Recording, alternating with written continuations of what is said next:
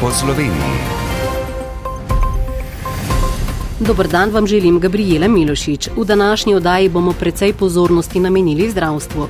Vse kaže, da za zdaj v zasavju ne bo treba odpirati ambulant za neopredeljene bolnike, podobno kaže tudi na območju Loganca. V obsotelju pa so ostali brez obozdravnika in zdaj mrzlično iščejo rešitev za bolnike. Zdravstvenega in negovalnega kadra manjka tudi v domovih za starejše in prav zato se zamika tudi odprtje doma za starejše v Pivki. V Mariboru se za zdaj večina gostinskih ponudnikov ni odločila za največjo možno podražitev študentskih bonov. Na Štajerski avtocesti so odprli prenovljeno počivališče Polskava vzhod. V Sečoveljske soline pa se vračajo obiskovalci, ki lahko tedni tam srečajo tudi plamence. Vabljeni k poslušanju. V skladu se znamo Ministrstva za zdravje o organiziranju ambulant za neopredeljene pacijente v ambulantah splošne oziroma družinske medicine je v Zasavju načrtovanih pet takih ambulant, po ena v Hrastniku, Zagorju ob Savi in Litiji ter dve v Trbovljah. Vse kaže pa, da za zdaj, če izuzamemo Hrastnik, odkudar podatka nismo prijeli, ne bodo odprli nobene. Več pa v prispevku Karmen Štranca Rajevec. V zasaju ambulant za neopredeljene pacijente, kot že povedano, tega ne moremo trditi za hrastnik, kjer se na našo prošnjo niso odzvali, trenutno ne bodo odpirali. Iz preprostega razloga, ker imajo pacijenti še možnost opredelitve oziroma niso vsi zdravniki polno zasedeni oziroma ne dosegajo kvote 1895 glavarinskih količnikov.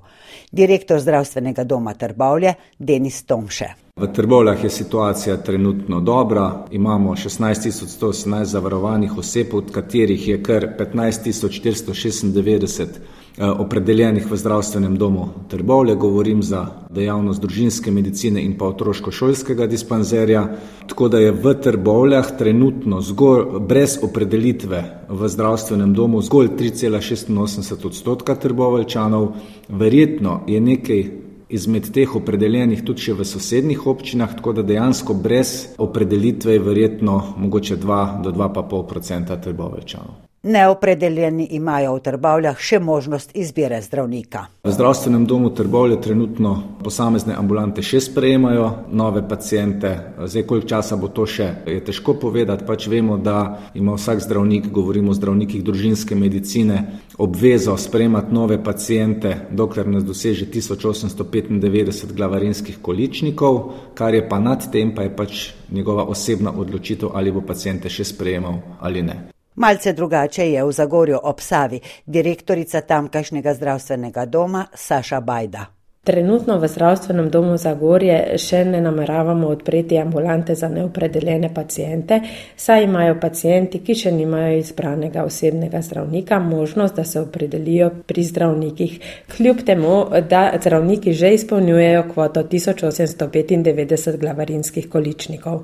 Trenutno je v Zagorju moč izbirati med dvema zdravnicama. Glede na to, da zdravniki še opredeljujejo, menimo, da neopredeljenih pacijentov ne bi smelo biti, ker ima vsak možnost, da če le želi, lahko dobi zdravnika v Zagorju. Prav tako imajo še možnost opredelitve tudi pacijenti v Litiji. Če pa se bo izkazalo, da so potrebe večje od možnosti znotraj obstoječega sistema oziroma načina delovanja ambulant in zdravstvenih domov, pa bodo ambulante za neopredeljene pacijente seveda odprli tudi v Zasavju. Tudi v zdravstvenem domu v Lugancu, kjer delajo štirje specialisti družinske medicine, še sprejemajo nove pacijente. Ker gre pri vseh za razmeroma nove ambulante, ni pričakovati, da bi se razmere spremenile in bi bilo treba odpreti ambulanto za neopredeljene osebe. S tem so, s tem so že seznanili Ministrstvo za zdravje. V Bistrici obsotli pa že od maja nimajo zobozdravnice in vsta čas zdravstveni dom Šmarje pri Jelšah ne najde zamenjave oziroma je najdena odpovedala tik pred zdajci z že naročenimi pacijenti. Če ne bodo našli rešitve do konca tega meseca, razmišljajo tudi o razpisu koncesije. Več pa v pogovoru s kolegico iz Posavja Suzano Vahtarič pozdravljena. Lep pozdrav. V Bistrici obsotli že sedem mesecev nimajo zobozdravnice. Dotedanja mlada zobozdravnica se je iz osebnih razlogov odločila za odhod v tujino. Zdravstveni dom Šmarje pri Jelšah, kamor spada bistriška ambulanta, pa išče rešitve tako doma kot v tujini in do sedaj še ni uspel zagotoviti novega zobozdravnika. Vse slovenska problematika je torej prisotna tudi na tvojem področju. Kako jo rešujejo v obsotelju? Zdravstveni dom je imel mes odhod še enega zobozdravnika, dogovorjena nova za bistrico obsotli, pa je že ob naročenih pacijentih dobesedno sredi noči na vrat na nos odpovedala, pojasnjuje direktor zdravstvenega doma Šmarje pri Jelšah Anton Zidar. Smo takoj aktivirali razpise in poskušali iskati nadomestne zobozdravnike, zobozdravnice, ampak žal ne uspešno. Vmes smo tudi imeli odhod zobozdravnice v Rogaški, potem tudi v Rodniški. Tako da zdaj v bistvu malo tudi v tem sistemu, da povem, da prihajajo iz Slovenije v delovna mesta v Kozje in v Rogaško. Poskušali smo tudi z variantami, kar se tiče iz tujine, iz tretjih držav. Žal je tu zadeva takšna, ne? to traja dve leti ali več. To pa traja torej predolgo, čeprav so imeli razgovor z obozdravnikom iz Sarajeva, ki je pripravljen na prihod v Slovenijo. Suzana, kako pa je poskrbljeno za pacijente, če nimajo zobozdravnika v njihovi ambulanti? Uradno naj bi jih sprejeli v sosednjih ambulantah, ki delujejo v okviru zdravstvenega doma, prva najbližja je v Kozjem, pa v Početrtku, vendar imajo vsi preveč opredeljenih pacijentov in ti iz bistrice obsotli brez zobozdravnice ne pridejo na vrsto. Na papirju vse štima, poiščite pomoč v prvi sosednji ambulanti, v resnici pa ni izvedljivo za vse oziroma za večino pacijentov. Kot so mi povedali, dobijo napotek, da naj se ob bolečina zglasijo na urgenci v oddaljenem celju pa saj to ni rešitev, saj ne hodimo k zobozdravniku samo ob bolečinah, enako pomembna je tudi preventiva.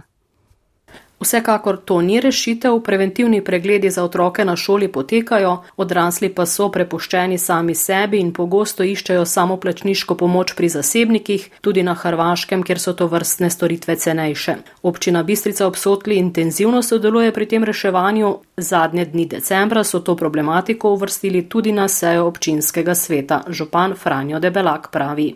To je naša zelo visoka prioriteta. Torej, imamo kandidata tujce, torej iz Bosne, zobozdravnika, za kar smo pa slišali, da je postopek zelo dolg in zahteven. Vendar bomo tudi s tem šli naprej, ker če ni druge rešitve, bo pač ta morala biti. Ne glede na to, če ne bomo danes začeli, bomo čez dve leta lahko na istem. Je pa res, da je imel direktor idejo, da bo do konca januarja že imel kakšno več rešitev. Tudi ta ideja, da bo vsaj enkrat ali dvakrat na teden zobozdravnica od drugot v Bistrici obsodila sotli, je za, za razmisliti. In Anton Zidar, direktor zdravstvenega doma Šmarje pri Elšah, je na seji občinskega sveta povdaril. Ali rečemo do konca januarja neki čas, če do takrat ne uspemo pridobiti zobu zdravnika, rečemo zadevo zaključeno za zdravstveni dom in rečemo enostavno koncesija. To je pač nekaj, kar lahko še potem prova. K sreči je torej še nekaj optimizma za pridobitev zobozdravnika v Bistrico obsotli. Kot pravijo v zdravstvenem domu, se zadeve spreminjajo iz dneva v dan, v teh dneh imajo še neke razgovore, slišati je, da se prejšnja zobozdravnica morda vrača iz tujine, imajo tudi pogodbenike v drugih ambulantah, tudi to je način, slišali smo, da je rešitev morda tudi koncesija. Suzana Vahterič, hvala za vsa pojasnila in lepo zdrav v posavje. V nadaljevanju odaja o tem, da se zaradi pomankanja zdravstvenega in negovalnega kadra zamika tudi odprtje doma za starejše v Pivki. V Mariboru se za zdaj večina gostinskih ponudnikov ni odločila za maksimalno podražitev študentskih bonov. V Sečovolske soline pa se vračajo obiskovalci, ki lahko v teh dneh tam srečajo tudi plamence. Ostanite z nami. Sprejem prvih stanovalcev v dom za starejše občane v Pivki se bo zamaknil. Investitor podjetje Senekura namreč ne uspe pridobiti dovolj zaposlenih, ki bi skrbeli za 68 starostnikov. Poleg tega se spoprijemajo tudi z dolgotrajnimi birokratskimi postopki, ki so že sicer zamaknili vselitev v njihova domova v Žireh in Komendi. Prispevek Sabrine Mulec. V Sloveniji že delujeta dva senekurina domova za starejše, hoče Slivnica in Žiri. Predvidoma 16. januarja naj bi prve stanovalce z nekaj več kot polletno zamudo sprejel še dom v Komendi. Zamaknilo pa se bo tudi odprtje doma na Bedinku v Pivki, najbrž v pozno pomlad, saj kljub temu, da so pred včerajšnjim zanj uspeli pridobiti uporabno dovoljenje, vse dokumentacije še niso uspeli urediti. Poslovna direktorica Sanda Gauranovič. To so neke birokratske, bom rekla, procedure, ki pa tudi terjajo svoj čas in na katere mi nimamo nobenega vpliva.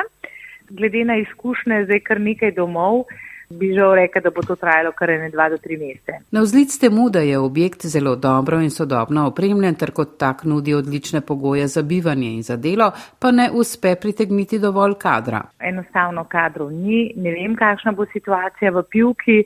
Imamo že zaposleno socialno delavko, direktorico, ki pokriva vse tri te manjše hiše, živi komenda in pivka, vse ostalo pa je načeloma eh, še nimamo. Tako da zdaj bojo te postopki intenzivno. Najprej ponovadi začnemo z diplomiranimi sestrami in pa potem srednjimi sestrami, bolničari in pa potem vas preostali tehnični kadr. Ne uspejo pa dobiti niti kadra za kuhinjo. Tako da v vseh teh treh, kot mi rečemo, malih hišah, torej žiri komenda pivka, nimamo kuhinje svoje spostavljene, čeprav imamo zelo lepo in moderno opremljeno kuhinjo z celotno aparaturo, vendar ker nimamo zaposlenih, uporabljamo zunanji servis si pa res močno, močno želimo, da vzpostavimo v teh treh enotah svojo kuhinjo. Popraševanja po nastanitvah pa je precej, pravi župan Robert Smrdel. Lokacija je zanimiva, je pravzaprav v samem centru, hkrati pa na robu e, narave, pozidava na severnem delu v bistvu spoh ni več možno, ker je na robu Nature 2000. V bližini je trgovina. Tudi pivka se namreč stara. Precejšnja težava ali pa popraševanje, predvsem na področju demence. Tako da sem zadovoljen, da je tudi predvsej kapacitet v domu za te potrebe. Drugač pa tudi rase mlada populacija. Zato bo treba poskrbeti tudi za širitev vrtca. Leto so se podražili študentski boni. Ponudniki študentske prehrane lahko po novem za obrok zaračunajo največ 9 evrov, kar je 2 evra več kot prej. Subvencija študentske prehrane pa se je zvišala za 68 centov na 3 evre in pol. Razliko med zneskom subvencije in ceno obroka morajo plačati študenti. Čeprav v Mariboru doslej večina ponudnikov cene ni zvišala na najvišjo dovoljeno, torej na 9 evrov, bodo študenti dvig cen študentskih bonov vseeno občutili. Iz Maribora Lidija Cokan. Najvišja cena študentskega obroka je bila določena že od leta 2007. V zadnjem času pa je vse več ponudnikov študentske prehrane imelo težave pripraviti obrok za do 7 evrov.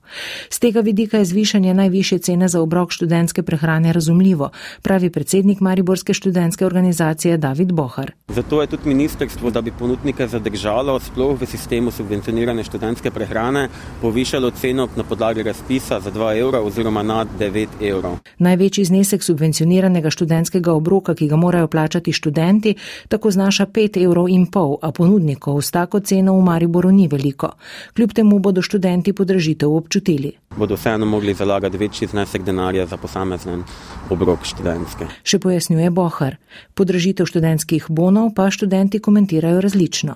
Že zdaj sem probal, da je si od doma morda, morda prinesel kako hrano, ampak um, se bo morda poznalo, kak evro se nabere. Že tako neki štipendije niso velike, pa še te bonje so se dvignili, tako da težko. Tak face se ni to podražilo, tako da ne bi rekel, da bo tak nazorni problem. Morda bo nekoliko lažje po 1. marcu, ko je zakonsko predvidena redna uskladitev subvencije študentske prehrane. Predsednik Šom David Bohar. Jaz računam, da se bo subvencija zvišala za nekje 35 centov, da bo ne vem, 3,85 evra vsaj. Pri tem pa v študentski organizaciji Mariborske univerze pristojne pozivajo še naj razmislijo o izredni uskladitvi višine subvencije za študentsko prehrano. Po Sloveniji. Dars je pred nekaj dnevi na Štajerski avtocesti odprl prenovljeno počivališče Polskava vzhod v smeri proti Mariboru. Dela na počivališču Polskava zahod proti slovenski bistrici in Ljubljani pa so se začela oktobra lani in naj bi trajala do maja. Gre za dve od dvanajstih malih počivališč na slovenskem avtocestnem križu, ki jih Dars prenavlja in bodo imela enotno podobo. Več o prispevku Nataše Rižnar. Mala počivališča, ki jih zdaj obnavljajo po vsej Sloveniji, tudi na Polskavi, se od velikih razlikujejo po tem, da so namenjena zgolj počitku in nimajo benzinskega servisa ali večje gostinske ponudbe. Vodja službe za nepremičnine na Darsu Maruša Mazovec pojasnjuje, da bodo počivališča imela enotno podobo, med drugim so prijaznejša do uporabnikov osebnih vozil in avtodomov. Vsa bojo imela video nadzor, javno razsvetljavo in pi, pi, takoj, ko bo pač. Um, zaključek tega testnega obdobja. Eh, imajo prostor za rekreacijo, površine za počitek in otroška igrala. In dodaja. Prepovedan je eh, promet za tovorna vozila oziroma dostop pravzaprav za tovorna vozila. V nadaljevanju so pa predvidene na vsakem malem počivališču tudi štiri elektropolnilnice. Čeprav naj bi bila dela na počivališču Polskava vzhod končana v začetku jeseni, so se zavlekla in so ga odprli šele pred nekaj dnevi. Dela pa še niso v celotni končana oziroma okrepčevalnica še ni urejena. Dela so se zavlekla zaradi daljših dobavnih rokov materijalov in zaradi pomankanja delovne sile. Počivališče Polskava proti Mariboru smo odprli 22.12., pri čemer za osnovno oskrbo se nam ni zdelo potrebno, da je tudi gostinski objekt v funkciji, kar je pravzaprav predmet druge faze. V prvi fazi je pač so sanitarije in avtomati za toplo-hladne napitke. Je še povedala Maruša Mazovec. Uporaba stranišča je za zdaj brezplačna, v prihodnosti pa bo odločitev o tem prepuščena novemu najemniku počivališč. V Ukrajinskem parku Sečovalske soline tudi letos prezimuje skupina plamencev. Ob obisku parka v teh dneh je tako velika možnost, da vidimo te rožnate ptice v naravi.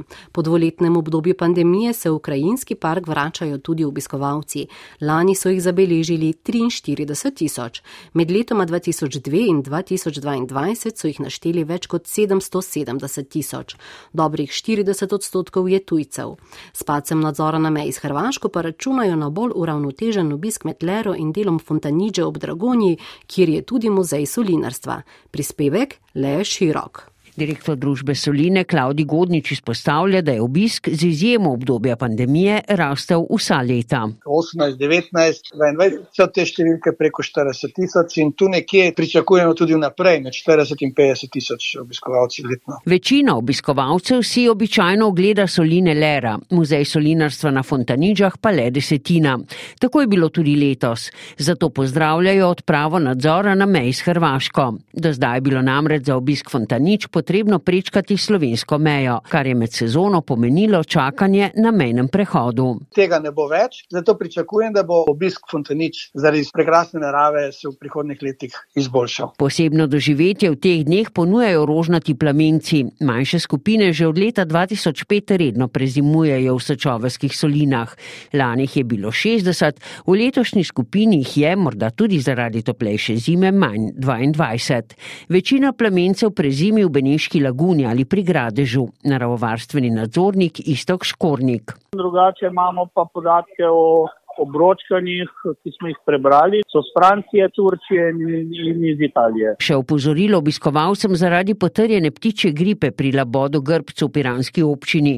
V Ukrajinskem parku ob morju jih trenutno prezimuje okrog 100. Previdnost, vse na kratek povodec in ob morebitni najdbi eh, kadavra ali pa sumljivega obnašanja pač javijo pravi parka ali pa veterinarski pravi. Še to, celoletna karta stane 28 evrov. Lahko jo dobimo tudi brezplačno. Le čistilne akcije, ki v Ukrajinskem parku organizirajo enkrat letno ali na dve leti, se moramo udeležiti. Zanimiva in hvale uredna pobuda. Res včasih le z nekaj malega truda dobimo izjemno veliko. Opazovanje krajinskega parka vse leto je nedvomno veliko darilo. Odaja po Sloveniji se zdaj seli v podcast in spletni arhiv, tako da vam je zmeraj na voljo. Jutri pa bomo z vami z novimi zgodbami. Hvala za pozornost in lep dan. Poslušali ste oddajo po Sloveniji, urednik Dušan Milič, voditeljica Gabriela Milošič, tonski mojster Jrnej Pogačnik.